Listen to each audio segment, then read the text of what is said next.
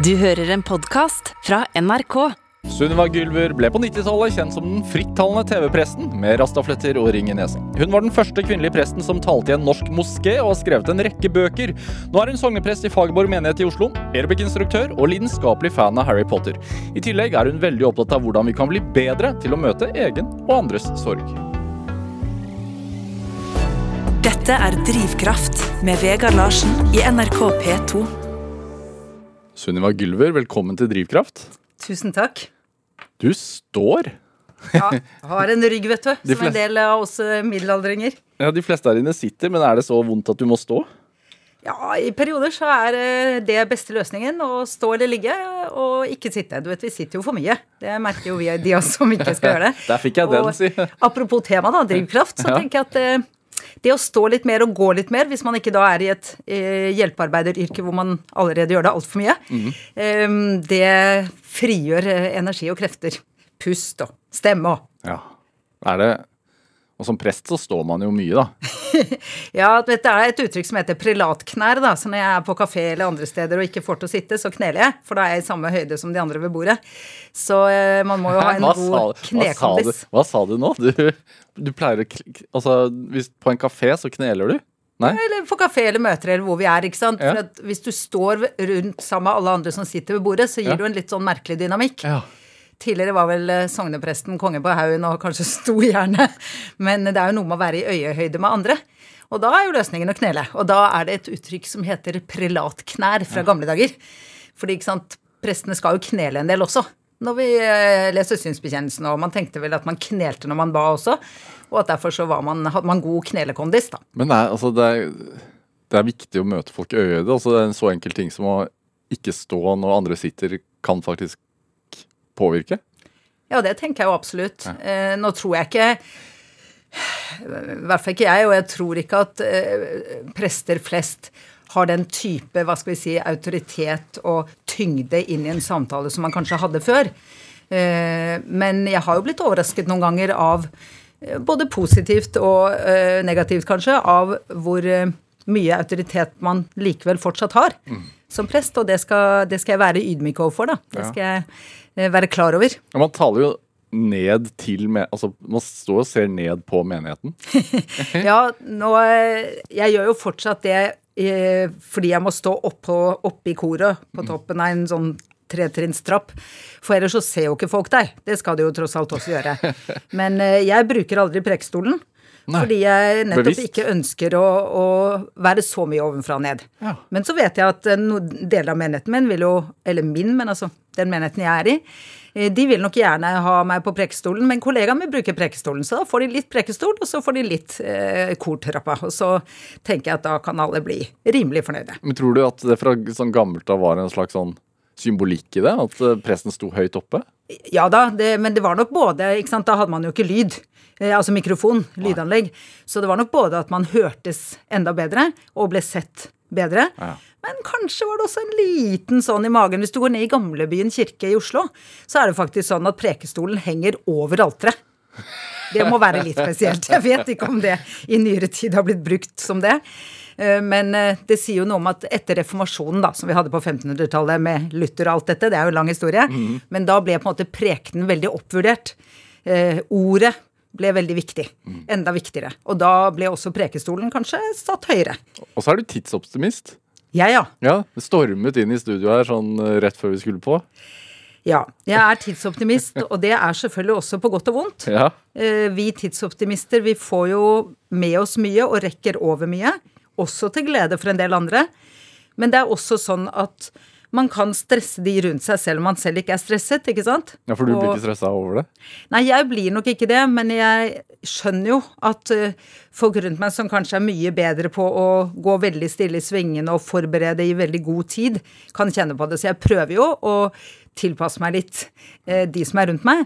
Men du vet, dilemmaet er litt etter jeg falt på sykkel og fikk en alvorlig hodeskade i 2017, så kan jeg jo verken sykle eller kjøre bil. Så det blir jo til at jeg stort sett går, eller sånn labber, da, som en sånn eh, ultraløper, liksom. Labber bortover.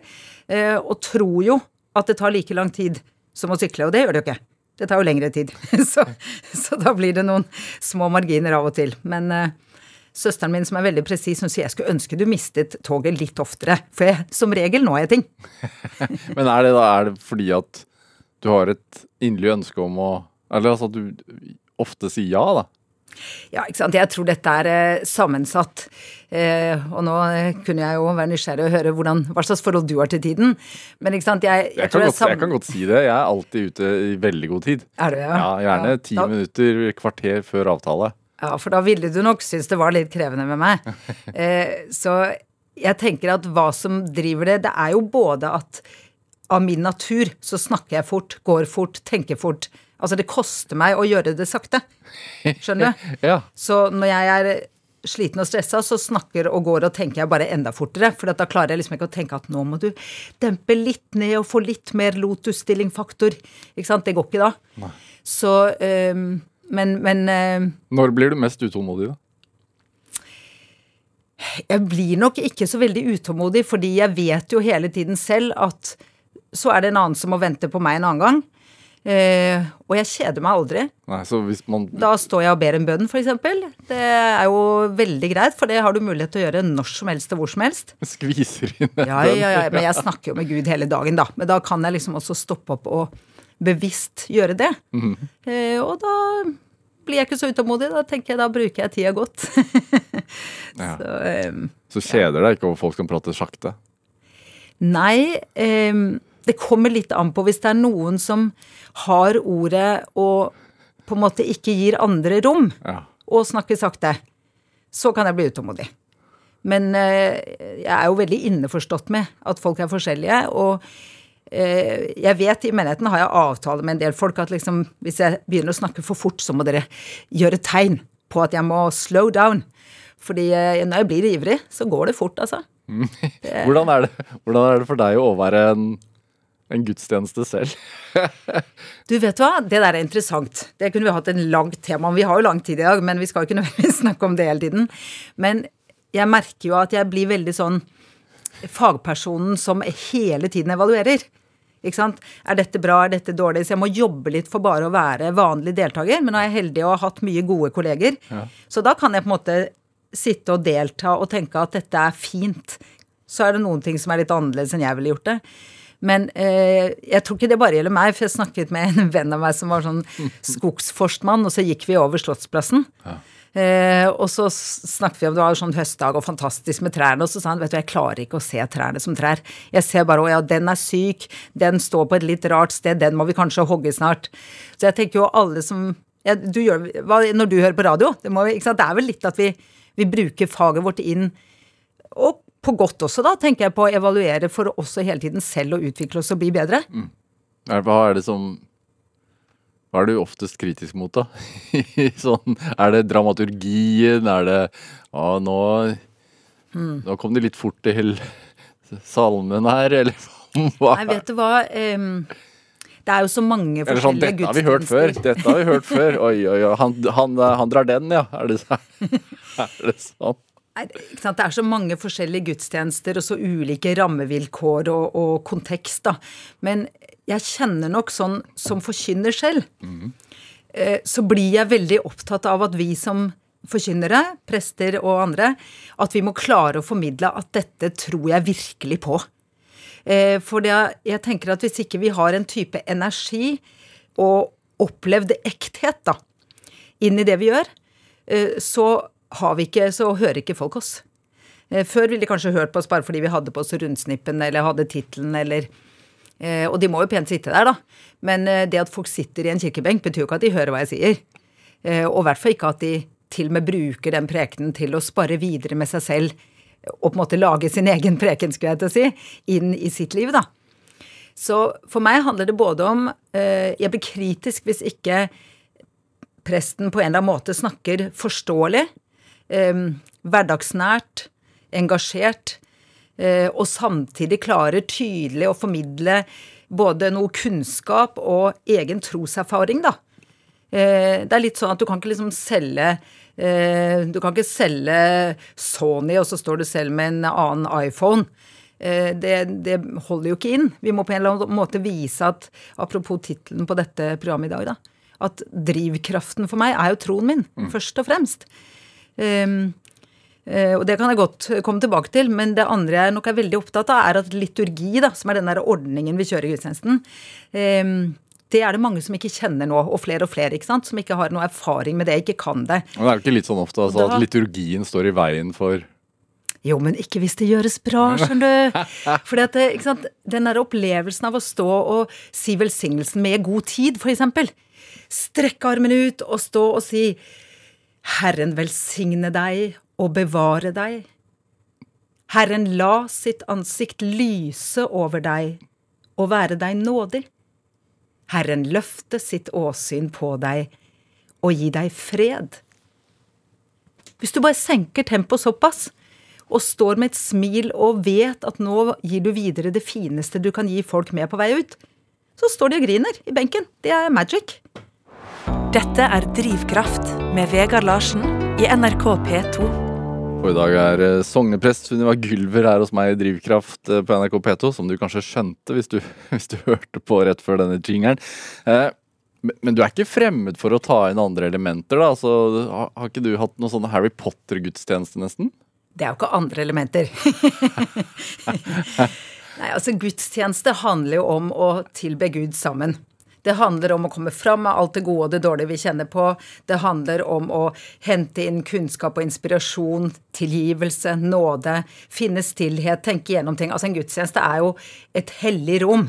Eh, Og der kan du hente inn utrolig mange ulike elementer som er med på å bygge opp rundt det. Og særlig så lenge vi holder på en måte skjelettet hvis vi skal kalle det det, i, i strukturen i gudstjenesten, som har vært der eh, siden helt i starten omtrent. Hva er likheten mellom Harry Potter og Bibelen? Masse. Altså hele fantasy-litteraturen, men nå elsker jeg aller mest Harry Potter. Vi kan egentlig snakke om det resten av tiden, skal vi gjøre? Fordi at eh, fantasy-litteraturen kretser jo veldig rundt kampen mellom godt og ondt. Og på en måte det veldig eksistensielle eh, valgene du tar, eh, hvilken side du er på, hvordan du på en måte danner deg selv som menneske i denne kampen. Um, og Frodo og Harry Potter og hvem det nå er, viser oss veldig mye Frodo- Frodo fra Ringenes herre, da, snakker Ja. Og alle de andre. Men eh, når vi har Potter-påske, så handler det om at for å spoile, da, når jeg alle har lest det. Potter-påske? Ja, Da har vi eh, alle filmene på storskjerm gjennom to netter i kirken. Vi har eliksirtimer i kjelleren, Tryllestadverksted, Rumpeldunk ute og Potter-gudstjeneste med full filmmusikk på eh, orgelet, selvfølgelig. eh, det er helt fantastisk. Og ikke sant, på, eh, da preker jeg over det bibelverset som står på eh, gravsteinen til Harry Potters foreldre. Første Korinterbrev 1526, det vet ikke alle, men Hva det er det. der? Der står det 'den siste fiende som tilintetgjøres er døden'. Og det er jo det påsken handler om. Så, eh, og når da Harry går våpenløs ut i skogen fordi han har skjønt at han må dø for at de andre skal få leve, og han blir tilsynelatende drept av Voldemort, eh, kommer opp på Kings Cross Station, tenk over det, kommer ned igjen, blir båret inn som død i Galtvort, oppstår igjen og vinner det avgjørende slaget mot Voldemort. Har vi hørt den fortellingen før? Ja, vi har det! Så jeg sier ikke at Potter bare er kristen, det går på tvers av religioner og livssyn, men inn i en eh, kirkelig kontekst så tenker jeg det er utrolig bra innsteg for å snakke om veldig mange eksistensielle ting. da. Sorg, tap, eh, vennskap, sjalusi, berømmelse, status, eh, rasisme, polarisering, eh, fordommer. Hva skal vi si, sosiale mediers virkning på oss. Altså alt vi står i, kan du egentlig finne utgangspunkt for også for samtalene i Potter. Og der er det jo et univers som veldig, veldig mange har et forhold til. da. Hvorfor er det Altså, Hvordan var det første gang du leste Potter? Du, jeg leste den med sønnen min. Jeg hadde aldri lest fantasy. Og så kom eh, den norske utgaven og han var liksom akkurat i passe alder. Og vi ble jo helt oppslukt begge to. Og så har vi jo lest det med Så jeg lest det med alle tre ungene og selv, og ser det hver vår. Ja. og er eh, på Potter-påske, da, i kirka hvert år. Og så har jeg nå eh, holdt på å lage en sånn Potter-andagsbok. Hvorfor er det så enkelt for fantasyforfattere? Altså, jeg tenker sånn eh, si, altså, Narnia. eh, bøkene har jo tydelig eh, linker til De er enda Tro. mer eksplisitt kristne. veldig eksplisitt kristne. Du, du nevner Ringenes herre, Harry Potter. Også. hvorfor er det så enkelt å ta, bruke det grepet, holdt jeg på å si? Nei, jeg tenker jo det handler om at det er Vi har ikke så mye språk for det ellers i hverdagen å snakke om det gode og det onde. Å snakke om eh, livet etter døden, og snakke om flere dimensjoner ved tilværelsen. ikke sant? I Potter-bøkene så ser du hvordan gompene, da, de ikke-magiske menneskene Er du Potter-fan du òg, forresten? Nei, jeg har sett filmene, da. Ja, det- jeg, jeg, er filmmann, men jeg, Å ja, du må jeg- lese bøkene òg, da. For ikke sant, du ser der hvordan gompene ikke får med seg magien som skjer, rett og slett fordi at eh, Selv om den skjer rett for øynene på dem, for de er liksom ikke tunet inn på det. Em, og jeg er jo Jeg står jo mye i dialog med ulike religioner og livssyn. Du nevnte det så vidt i starten òg. Og jeg har mennesker tett på meg, eh, fra min elskede jeg var gift med i 34 år, og til eh, andre rundt, som har enten en ikke-religiøs tro eller en annen religiøs tro enn meg. Eh, Så jeg er vant til dette mangfoldet å stå i. Og da er jeg også vant til å utfordre litt eh, det sekulære livssynet, som er det som er mest utbredt i Norge mm. nå. Eh, Fordi det er ikke sånn at det er en nøytral posisjon, og så kan du liksom adde Gud eller french fries. Det er rett og slett ulike trosposisjoner. Ingen av oss kan bevise verken at Gud finnes eller ikke finnes. Eh, Men jeg tenker det er ulike trosposisjoner inn, og som gir forskjellige perspektiver inn på virkeligheten. Og det er litt sånn at vi ser det vi tror vi ser. Og det gjelder ikke bare religiøse, det gjelder også, ikke-religiøse. At 90% av det vi ser, egentlig ligger bak, ikke foran øynene våre. da. Det ligger inni hodet vårt. Erfaringene våre, fordommene våre, eh, antagelsene våre. Eh, og jeg vil gjerne utfordre både meg selv og andre da, på hva vi ser, og hva vi rett og slett ikke ser fordi vi ikke tror vi skal få øye på det. Så her hva, er det, hva er det du ser, da? Nei, ikke sant. Jeg står jo i den kristne tradisjonen. Jeg har på en måte valgt det, og så føler jeg litt at jeg har valgt meg. Litt begge deler. Eh, og tolker jo da i lys av det. Eh, men når jeg da f.eks. dette siste året har opplevd eh, i forbindelse med min manns sykdom og død, da, opplevd en veldig sånn kraft og nærvær og fred eh, i dagene og noe som bærer, så vil jo en som er ikke-religiøs, altså min kjære, han tolker jo det som noe annet enn Gud. Ikke sant? Mens i mitt perspektiv så tolker jeg jo det som Guds spor i hverdagen min. Så det er jo en blanding av Hva hva, du rett og slett bare opplever at er der, og hva du eh, på en eller annen måte velger litt å tolke. eh, Og la være din tolkningsramme, da. Hva ville han sagt at det var, da? Ja, vi snakka jo mye om det. Nei, han, han opplevde jo at han fikk en kraft til å stå i ting. Det er jo eh, nokså umulig å få vite selv at i juni i fjor at nå kommer jeg til å dø. Jeg vet ikke om det skjer i løpet av tre måneder eller i løpet av fire år. Jeg vet ikke hvor mange smertefulle behandlinger jeg skal gjennom, og om jeg skal velge dem. Hvor det på en måte bikker over til å skulle velge livskvalitet framfor livslengde. Ikke sant? Alle disse tingene. Eh, Jeg vet ikke om han hadde så mange andre ord på det enn å stå Han var jo ultraløper, da. Jeg hadde jo verdens råeste mann. Han var jo vant til å tåle ting. Og, og hadde en enorm viljestyrke. Men i mitt perspektiv tenker jeg også at det var en kraft utenfra som bar både han og oss andre, da. Hva snakker man om når man veit at den liksom enden nærmer seg? Når man faktisk veit det? Eh, mye forskjellig. Det blir ikke det derre meso-midtnivået. Sånn liksom oppussing og, og litt på jobben-greier. Men det blir veldig mye det helt store og det helt lille. Det blir eh, tekoppen og høstfargene og turen med Milla, hunden vår, eh, og unga våre. Og så blir det liv og døden. Eh, hva vil du skal stå etter deg? Han var ikke redd for å dø, men han var redd for å bli glemt. Så noe av det jeg ønsker, er jo å opprettholde minnet hans. I jødisk tradisjon sier man jo visstnok at du dør to ganger, og den siste gangen er når ingen nevner navnet ditt.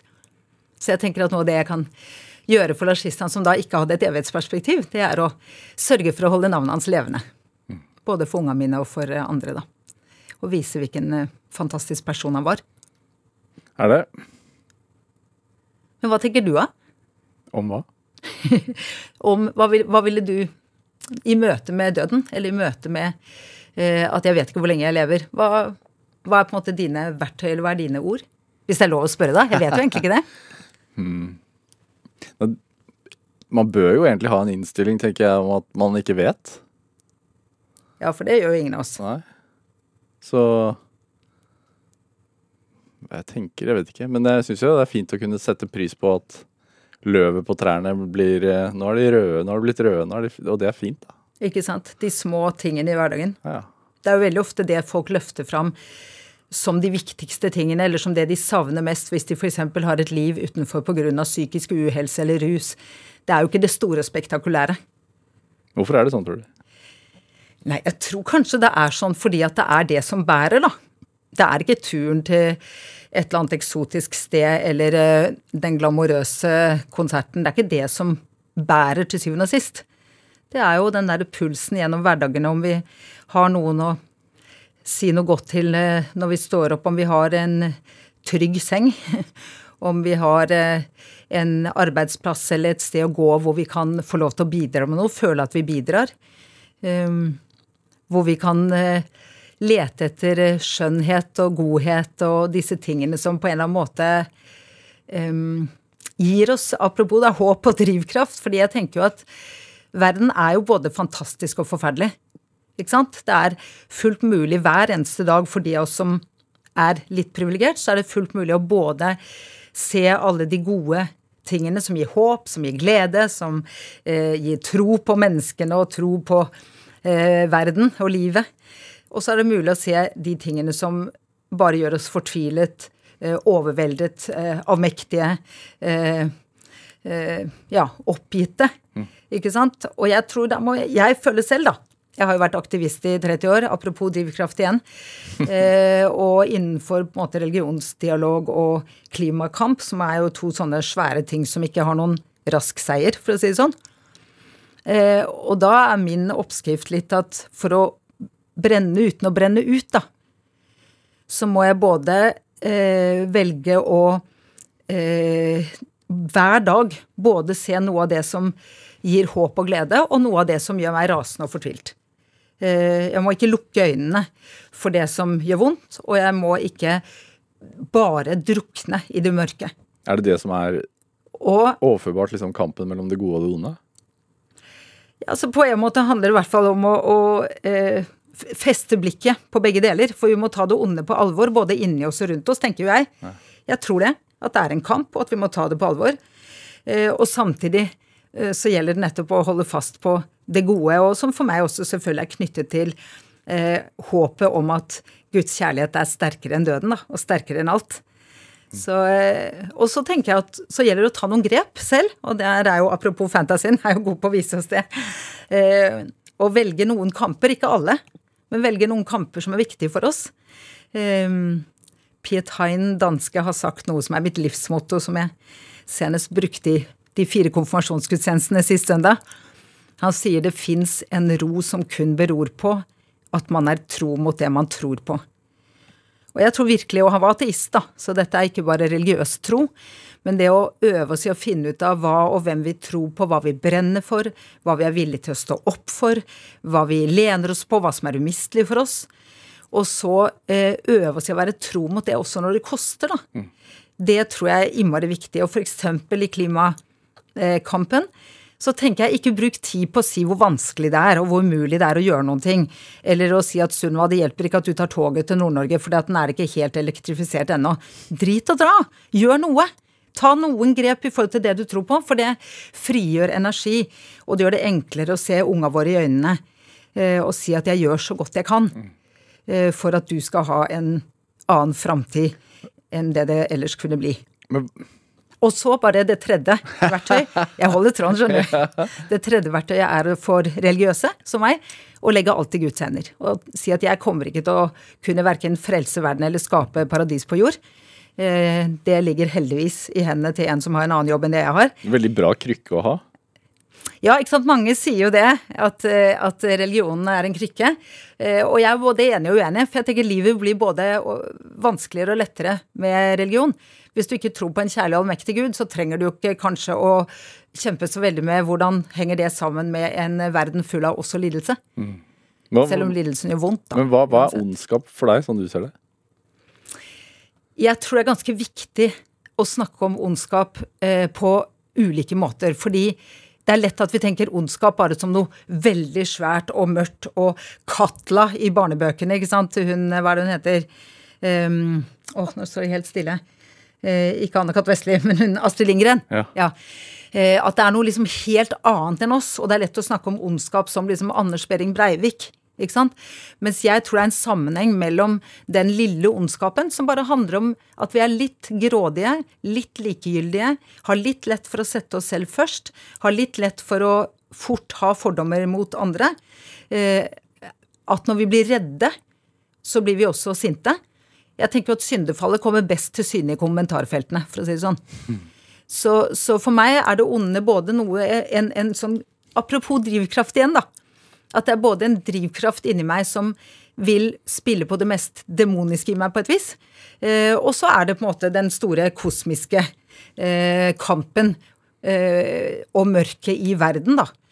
Eh, og jeg tror at vi må tåle å se det hvite øyet, men det skal ikke dyrkes. Og igjen, da, her er jo Potter helt fantastisk. På å snakke om ondskapen og den onde på en måte som verken handler om å dyrke eller å fortie, for da vokser det. Ja, Du vil ikke engang si navnet hans? Ja, ikke sant? Men det handler om å snakke om det direkte, åpent, ordentlig. Og samtidig tydelig stå opp mot det. Både i de små og de store situasjonene. Fra hvordan du hilser på disse hus... Hva er de heter igjen? Eh, Noldus og disse. Står de helt stille for meg. Ja, i hvert fall noen av disse andre vesenene i Potter-universet som jo blir diskriminert eh, under andre krefter og andre eh, styresmakter, ikke sant. Um, og det handler om de helt store kampene. Begge deler, da. Er det? Altså, du sa at mannen din ikke var redd for å dø. Ja. Var du redd for at han skulle dø? Nei, altså Jeg var ikke redd. Jeg visste jo at han skulle dø. Det kom ganske fort fram. Og jeg er jo jeg er ikke Jeg holdt jo på å dø selv i 2017. Eh, og Den lå trafikkulykken? Ja. ja. Da lå jeg på Ullevål på intensiven, og de sa at eh, vi kan ikke gjøre noe. Det er massive hodeskader. Og Hva skjedde da? Nei, jeg fikk en bil over hodet, da. Eh, rett og slett. Eh, syklet, og så skulle den svinge, og så meg ikke. Og så bråstoppet jeg og fløy over sykkelen, og så sier vitnet at så kjørte bakhjulet over hodet mitt. Eh. Så det var jo ganske dramatisk, og jeg var jo utrolig heldig. De sa jo at de trodde det var en dødsulykke, og at jeg ikke kom til å klare meg. Hva, Kraniebrudd og alt? Ja, det var, hodet var litt smasha, og de sa at vi kan ikke operere, men eh, hvis, det på en måte, hvis hevelsene går ned, så kan du klare deg, men vi må bare stabilisere deg. Mm. Og hvis ikke, så går det ikke. Så det var jo ganske intense dager, og særlig for en som er vant til å liksom brette opp erma og trå til. Eh, men da fikk jeg så veldig bekreftet, og apropos drivkraft igjen Da fikk jeg så veldig bekreftet hvor mye det betyr, både da og nå i dette året med Lajistan, hvor mye det betyr å ha en eksistensiell beredskap. Vi har jo snakket mye om beredskap de siste åra. Men for meg så er kanskje den aller viktigste beredskapen Den handler om å være beredt på å kunne møte døden, egen eller andres. Være beredt på sårbarheten vår, at vi vet aldri hvor lang tid vi får. Eh, ha en klar forestilling om hva som er viktig for oss. De av oss som har pugget salmevers i, eh, på skolen. Vi har eh, hatt Alltid freidig, og da tredje verset så står det Kjemp for alt hva du har kjært, dø om så det gjelder. Da er livet ei så svært, døden ikke heller. Hva, jeg tenker Det formidler noe av det samme. Nei, Det handler om at hvis vi vet, hvis vi klarer å være bevisst i forhold til hva vi har kjært, og prioritere ut fra det, ikke bare i teorien, men i praksis, så vil det være lettere å møte både livet og døden når den kommer. Og jeg kjente når jeg lå der på sykehuset, at jeg vil jo ikke dø. Jeg elsker jo livet mitt, og jeg elsker ungene mine og jobben min. og vil, det er mye jeg har lyst til å fortsatt oppleve. Men jeg kjente også at hvis det skjer nå jeg, ikke, jeg var så heldig da, å kjenne at jeg har ikke noe uoppgjort. Jeg har, ikke, jeg har fått lov å sette noen gode spor. Jeg tror på en Gud som skal bære meg og de jeg er glad i, gjennom og ut på andre sida. Um, så jeg brenner veldig som prest da, for å bidra til at folk tar noen av disse rundene med seg selv og hverandre. Fordi i en hverdag så gjør man jo ikke nødvendigvis det. Min erfaring er jo at nordmenn flest er helt språkløse i forhold til tro. Uh, ateister er ikke det. Pinsevenner, muslimer. Men veldig mange andre er helt språkløse. Og senest i går i dåpssamtale med fem dåpsfamilier, så snakket vi om det. ikke sant? At jeg opplevde at kombinasjonen av tro oppleves veldig privat. Uh, og at man er veldig redd for religiøs påvirkning. Selv om i Oslo 2021 i dag så er det altså mikroskopisk sjanse for at du skal bli overdoktrinert religiøst. Uh, og det er klart, der hvor det skjer, er det forferdelig og destruktivt. Men det er mye større sjanse for at Nike preger ditt syn på verden og deg selv og hva som er viktig, enn Gud. Og da tenker jeg det er et eller annet med å være gode sparringpartnere for hverandre. Ta timeouter. Tenke gjennom det som faktisk betyr noe. Og nordmenn er jo så lydige, så hvis du ber dem lage gruppearbeid, så gjør de det. Så da drar jeg i gang stadig vekk de samtalene, og så tror jeg at det gjør godt for folk også når de da skal møte krisene. Mm. Sunniva Guller, vi skal ta en liten timeout her. Vi skal høre litt musikk. Du har med en Cohen-låt. Uh, 'Dance Me To The End of Love'. Hvorfor det? Fordi at uh, den danset Lars-Christian og jeg til som det siste vi gjorde før han uh, døde. Eller rugget til. Han var aldri noen stor danser, må jeg si. um, Hvor syk var han da? Nei, da var han jo veldig, veldig, veldig dårlig. Og så preget av morfin. At det var jo på en måte helt, helt siste oppløp. Han er fortsatt en av de ti raskeste nordmenn gjennom tidene på 100 km. Med VM-trøye i Moskva i 1996. Ehm, men det løpet der, det er det hardeste han har gjort.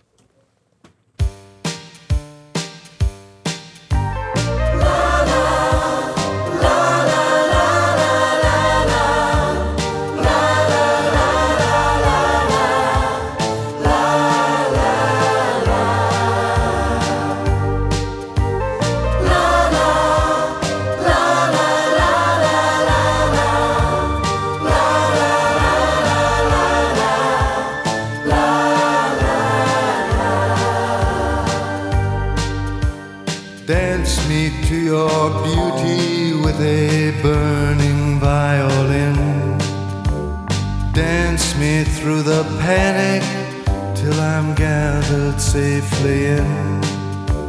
Lift me like an olive branch and be my homeward dove.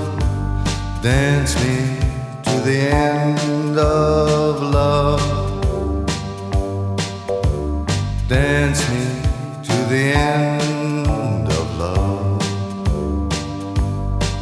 Oh, let me see your beauty when the witnesses are gone. Let me feel you moving like they do in Babylon. Show me slowly what I only know the limits of. Oh, dance me to the end of love. Dance me the end. of love.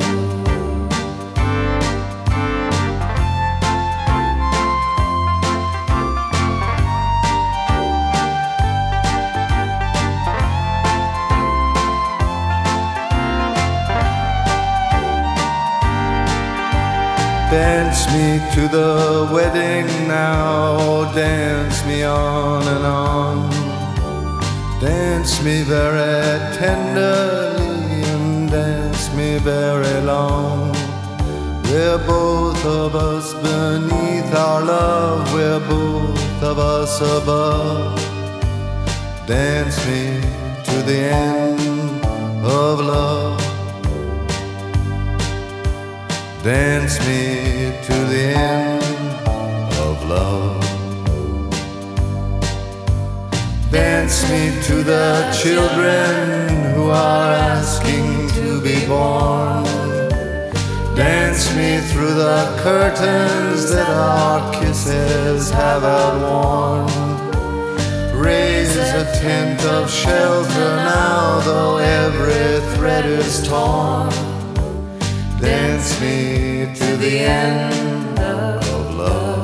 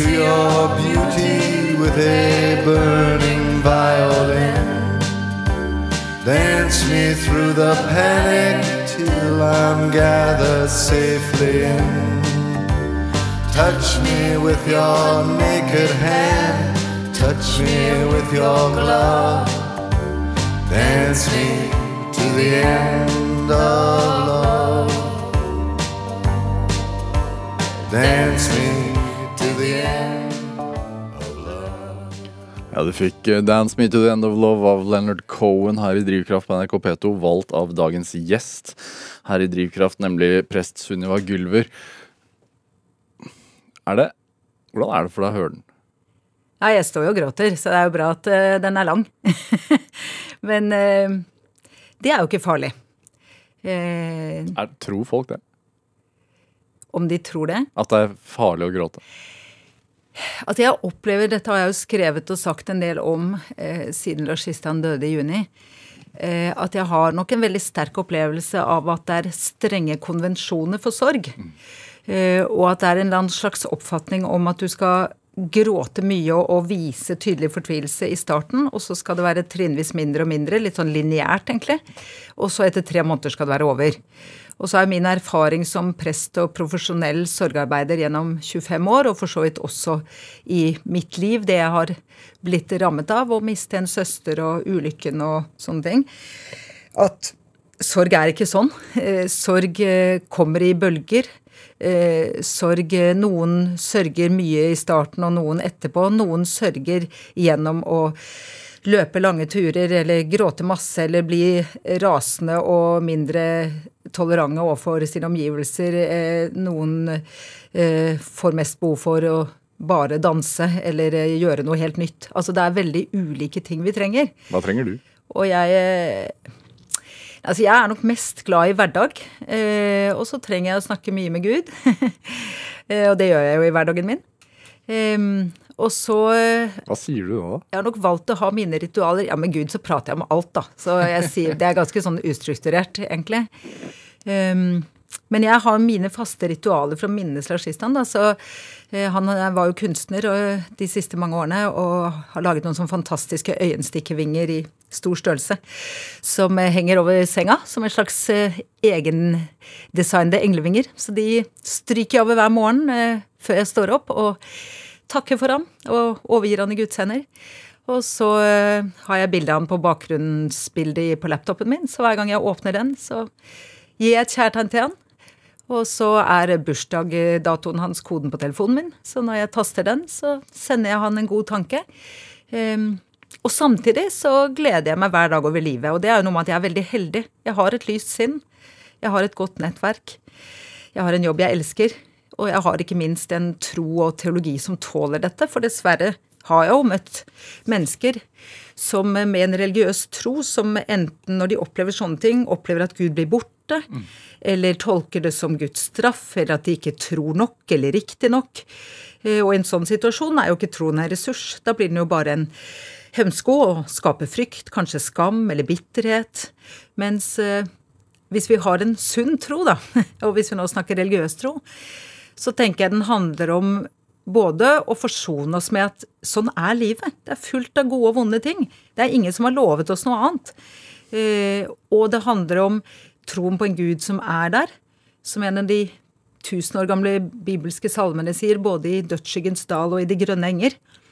Um, og det handler jo for meg om en tro på en gud som eh, har det siste ordet. eh, og at eh, jeg har nok ikke selv et sånn veldig sånn sterkt forhold egentlig til å skulle møte igjen Lashistan. Og jeg møter jo også mange som sørger som for all del ikke vil møte igjen. Eh, sorg er jo kompleks. Det er jo ikke sånn at alle har elsket, og så savner de. Eh, det må vi huske på. Og det å også huske på at sorg er mer enn å miste i død. Det er å leve i et dødt eh, kjærlighetsforhold, skulle jeg til å si. Det er å bli dumpa, det er å miste funksjoner eller miste arbeidsfellesskap og jobb eller Ja, det kan være så mange ting, da. Men, men, eh, men jeg tenker uansett at, at sorg For meg handler det mye om når det er knyttet opp til en sunn tro, og tro på at en gang skal alt bli godt og rettferdig. og jeg tror Lashistan løper som en vind et eller annet sted. Um, Eh, og at jeg har han med meg, men uten at han på en måte våker over meg, eller er den jeg skal ta inn ting nå eller skal stå til regnskap med for om jeg er bra nok mamma for unga våre, eller eh, Men bare et sånt et godt nærvær, da. Hvordan finne trøst hvis man ikke tror det? Jeg kjenner jo mange som ikke gjør det også, og jeg tenker, jeg tenker det er liksom ikke en sånn hvis du tror religiøst, så tenker du sånn og finner trøst, og hvis du ikke gjør det, så er det sånn. Det er jo så store variasjoner innad i gruppen, for å si det sånn. Men jeg opplever at mange av de som jeg kjenner som ikke har en religiøs tro, og f.eks. da eh, noen av barna mine også, eh, finner trøst i fellesskapet, i de gode minnene, i å holde det, minnet levende, i å ta noen valg og gjøre noen ting som de tenker er litt sånn i pappas ånd også. Um, og at noe av det vi kan gjøre for å hedre Lashistan, er jo nettopp å leve livet med takknemlighet. Da. Han ville jo så gjerne leve lenger. Vi skulle jo bli gamle sammen. Han fikk ikke det livet. Og da tenker jeg at det jeg kan gjøre for å hedre det, er jo virkelig å leve livet til fulle, da, som jeg tenker han gjorde så lenge han kunne. Dette er Drivkraft med Vegard Larsen i NRK P2. Og i dag er sogneprest Sunniva Gylver her hos meg i Drivkraft på NRK P2. Hvor er du fra? Eh, jeg er født i Danmark. Halvt dansk og halvt norsk. Og bodde i Bergen, så jeg snakker jeg. Snakker bergensk til Hvem er dansk? Det er faren min. Ja. Jeg kan dansk òg, altså. Men du taler som dronning Margrethe, sier min eh, familie. Litt for pent dansk. Eh, Men jeg har bodd i Oslo siden jeg var eh, sju, så jeg tenker nok at Oslo er primært det som er min by, da. Hvorfor så mye flytting? Nei, det var, det var jo kanskje ikke mye, men i hvert fall Nei, det har ikke egentlig vært så mye. Men jeg har en far som var lege, og så flyttet vi litt etter det, skulle jeg til å si. Og så em, var det nok Han ble veldig begeistret for eh, Norge. Han er vel en av de største norgespatriotene jeg vet, ikke minst naturen. Så, men, så jeg har vært i Oslo de siste mange mange årene, og så har jeg hatt no, et par år ute i Venezuela og på Madagaskar og i USA. Hvor flyttet dere til Oslo? Men ellers her. Vi bodde på Nordstrand. Ja. Eh, jeg er vel av de Nordstrand er et sted som man eh, elsker eller hater, skal jeg ta si. Ingen har et likegyldig forhold til Nordstrand. jeg følte meg nok annerledes og fremmed og ville nok ikke bosatt meg der. Hvorfor det? Um, nei, jeg var ikke Ikke sant. Det var et sted med, med mye penger og mange som var opptatt av fasade, i hvert fall virket det sånn. Uh, og jeg, vi, huset vårt ble kalt Villa Villakulla. Eh, Det vil jeg jo nå si er et stort kompliment, men når du er liten og bare vil høre til, og høre med, Men som lege og sånn, så så passer man jo inn. Eh, Ja og nei, altså i 1974 så var ikke det nødvendigvis eh, Det er mye, det er mye drivkraft, apropos, da. Jeg tror jeg nå Jeg har jo fortsatt både venner og noe familie på Nordstrand, og Nordstrand er jo som alle andre steder at det er mye forskjellig. Men min opplevelse var nok mye å være litt uh, utafor. Var du Pippa? Pippi, da? Ja, jeg var, ja, jeg var både og, for jeg var ikke Pippi sånn Ja, det har jeg aldri gjort før, så det klarer jeg sikkert. Pippi har jo en ganske sånn sunn selvfølelse. Men, eh, og det hadde jeg ikke, særlig ikke på barneskolen. Men det, det ble et sånn vendepunkt, som jeg har fortalt mange mennesker om opp gjennom årene, med, i femte klasse, hvor en av de andre tok mitt parti i en veldig sånn tilspisset situasjon, og hvor jeg i hvert fall i ettertid opplever at da fikk jeg et ideal. At jeg skulle være modig og stå opp for de som trenger det.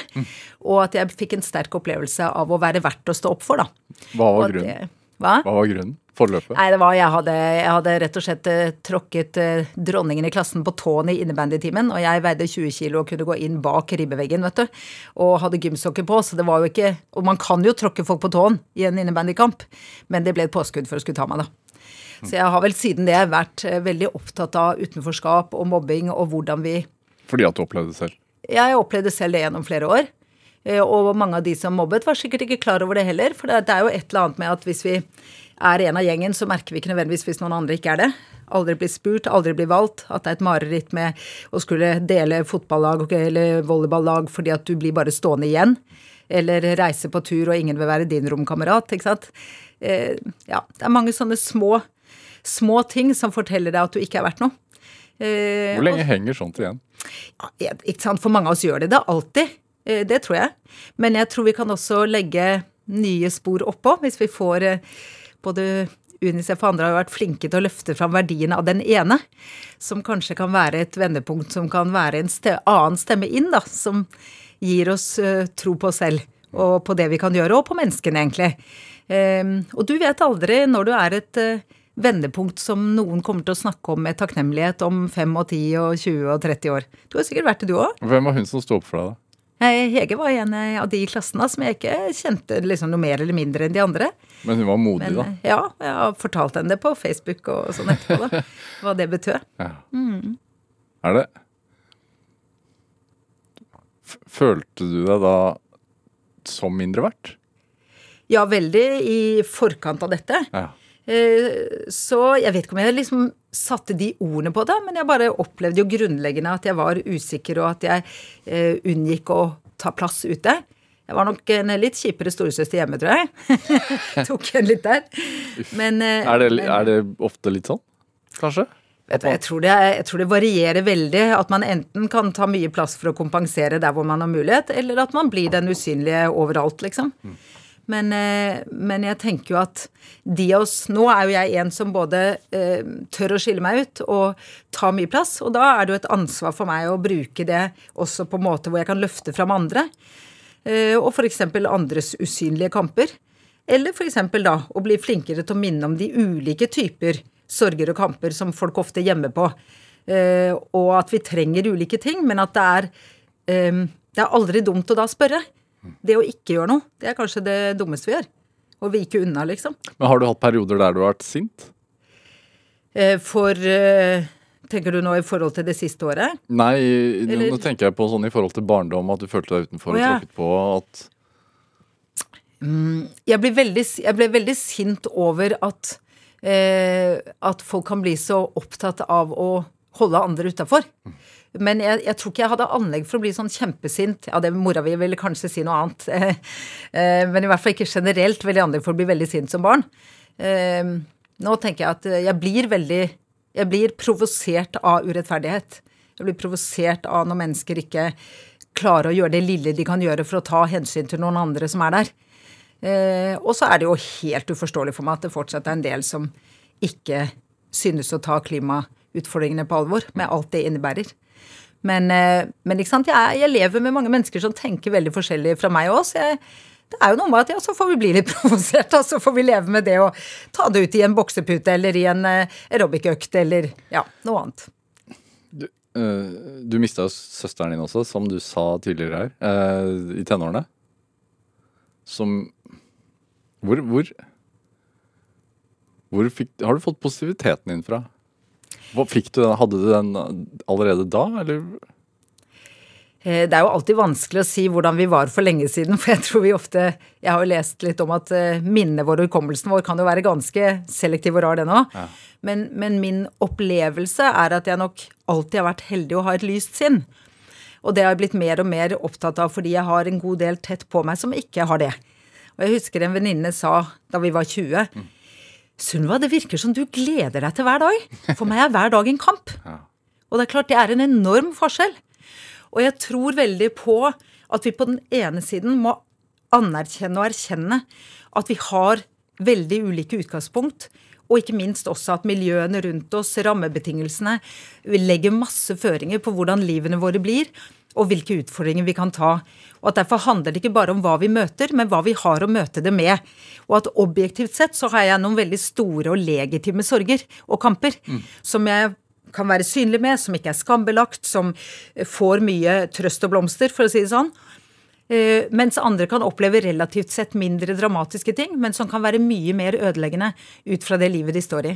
Og det å klare å holde fast på det, altså som en avlastning Nei, det er ikke sånn at alt er din feil. Eh, Det er faktisk sånn at livet er blodig urettferdig, og noen får full pakke, og andre flyter igjennom. Og samtidig ha en ansvarliggjøring på at du kan Det har også noe å si om du tenker at livet er halvfullt eller halvtomt. Det har noe å si om du hver dag eh, tenker igjennom hvilke ting du har å være takknemlig for, eller om du ikke gjør det. Det har noe å si om du prøver å rette opp ryggen og smile til folk og puste godt, fordi det faktisk gjør noe også innover, ikke bare utover. Så jeg tenker den der balansegangen, fordi jeg møter jo en del som får en sånn overdose av positiv psykologi. Tenk positivt, se muligheter, ikke hindringer. Og så føler jeg at det er ikke bare det at de har det vondt, men de har til og med all skyld i at de selv har det vondt. Og det å kunne si da nei, det er ikke bare din skyld. Og jeg hadde ikke klart et døgn om jeg hadde stått i den kampen du gjør. Du er helt fantastisk. Og samtidig si at når situasjonen er som den er, så har vi noen valg. til enhver tid på hvordan vi vil møte det og håndtere det.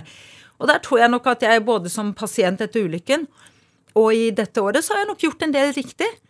Eh, ifølge Lucy Hone, som hadde en sånn TED-talk om eh, hun er psykiater da, om eh, motstandskraft, så sa hun at det er tre strategier som eh, kjennetegner motstandskraft og mennesker med en viss motstandskraft. Og det første er å forsone seg med livet. Shit happens. Og det tror jeg at jeg gjør. Eh, Og har gjort. At det overrasker meg ikke, og jeg blir ikke sånn hvorfor meg? Jeg vet jo at så mange mister hver eneste dag. Og det andre er å velge hvor du har oppmerksomheten. Litt det jeg sa i stad, med å velge å se både det gode og det vonde hver eneste dag. Og det tredje, det var å spørre deg selv Det jeg gjør nå, eh, does it help me or harm me? Altså hjelper det meg eller skader det meg i å håndtere denne krisen eller dette jeg står oppi? Og jeg tror at akkurat de tingene er jeg ganske god på, da. Men men da må man jo ha evnen til refleksjonen selv i sorgen. Ja, man må jo det. Eller så må man ha gode folk rundt seg som hjelper en å sette ord på det. Og det tenker jeg jo både en prest og en psykolog og en god venn og et klokt medmenneske, en nabo, kan være gode på. Og jeg, jeg tror for så vidt at veldig mye sorg trenger vi ikke profesjonelle hjelpere til heller, hvis vi blir enda bedre på å møte egen og andres sorg. For sorg er naturlig. Det er ikke farlig, det gjør vondt, men det er ikke farlig. Eh, S- eh, Stockdale-paradokset. Ja. Har du vært opptatt av, eller veit jeg? Nei, Jeg bare leste om det nylig, og så tenkte at det var ganske interessant. Hva er det for noe? Nei, Det er visstnok en amerikansk eh, admiral eller et eller annet, som jeg lurer på om det var under Vietnamkrigen, som klarte seg gjennom mange års veldig belastende fangenskap. da, Og så ble spurt liksom hva, hva handlet det om, og hva var det som gjorde at noen klarte seg, andre ikke. Og da sa han at det handlet om Altså, optimistene klarte seg ikke i lengden, sa han.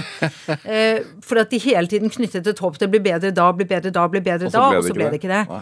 Men han sa at, at, at det handler om å på den ene siden bevare håpet og troen på at ting skal bli bedre. Eh, og i kristendommen har du jo der en enorm ressurs med himmelhåpet, selvfølgelig. Og så handler det samtidig om å face realitetene. Brutaliteten i det vi står i. Være ærlig. Eh, Og der tenker jeg jo at det er en stor oppgave for oss som kirke, og også for andre aktører som møter mennesker i krise, å hjelpe til med begge deler. Både å eh, nære håpet og å face verden og livet og selv sånn det er. Og så må man trene på glede. Og trene på viljestyrke. Ja, jeg har sagt noe om det noen ganger, og Ja. jeg, jeg tror det, da. Jeg tror det er som med muskler og alt annet. Nå er jeg jo treningsinstruktør. Ja. Og jeg tror liksom vi må, vi må øve oss, vi må lage gode vaner, vi må trene. Så vil vi kjenne at det hjelper. Og det var ganske interessant, for på Sunnaas sa de til meg at eh, grunnen til at du overlevde, var at du var så godt trent gjennom så mange år. Fysisk at, trent? Ja, at Ja. kroppen hadde et kroppsminne. Så når alt var kobla fra og helt eh, på tur, så hoppet den bare inn og på en måte gjorde det den skulle gjøre. Eh, og jeg tenker litt i overført betydning, da. At hvis vi har Igjen da, tilbake til denne eksistensielle beredskapen. Hvis vi har trent oss nok på det, så tenker jeg at det slår også inn. Eh, I de dagene hvor vi egentlig ikke klarer å tenke noe som helst. Men da må vi hjelpe hverandre, da. Og det er jo kjempegøy. Det er jo derfor jeg har verdens beste jobb. Vi trenger flere frester, bare for å si det, hvis noen har lyst til å bli det. Det, men trene på glede, hva, hvordan gjør man det, da? Jeg tenker det handler om både å ha en bevissthet rundt hva gjør meg glad. F.eks. gjør det meg glad både å synge og danse, og da må jeg bruke litt tid på det. Tvinge deg til det noen ganger? Ja. Ja. Og så tenker jeg det handler om som sagt denne takknemlighetsloggen. Eh, morgen og kveld, i dusjen om morgenen og i sengen om kvelden, tenke gjennom hva har vært godt, hva kan jeg takke for i dag. Noen ganger er det lett å komme på, andre er det litt vanskelig. Men jeg ser at det hjelper. Og så er det jo noe med det gamle munnhellet, da, og den beste glede du kan ha, den er å gjøre andre glad. Ikke sant? Det, det er jo ikke spesielt religiøst, men, men eh, vi kan også tenke det. At det handler om å, å gjøre noe godt for andre. Bidra til at andre blir glad, så blir du selv også ofte gladere. Så det er, det er små, enkle triks, og det er liksom ikke uh, magic, men uh, det kan bli ganske mye magi, hverdagsmagi ut av det, da. Ja, Små, enkle triks, men det er ikke sikkert det er så enkelt å gjennomføre. si. Nei, det er ikke alltid det. Og ikke sant, folk sier stadig til meg sånn, ja, men det er jo enkelt for deg fordi at du har sånn viljestyrke. Men altså igjen, viljestyrken kan også trenes opp. Det sier jo alle som jobber med fysisk trening. Men det gjelder også mentalt og på andre måter. Ja. Vi kan øve oss og vi kan trene, men da må vi jo være et fellesskap hvor vi samtidig anerkjenner nettopp at det er ulike belastninger og ulike ressurser. Hvor viktig er endorfiner for deg, da? Ja, du, jeg kan jo ikke nok om det der, jeg er jo ikke lege. Men, eh, men jeg, blir, eh, jeg blir jo veldig høy på folk, da.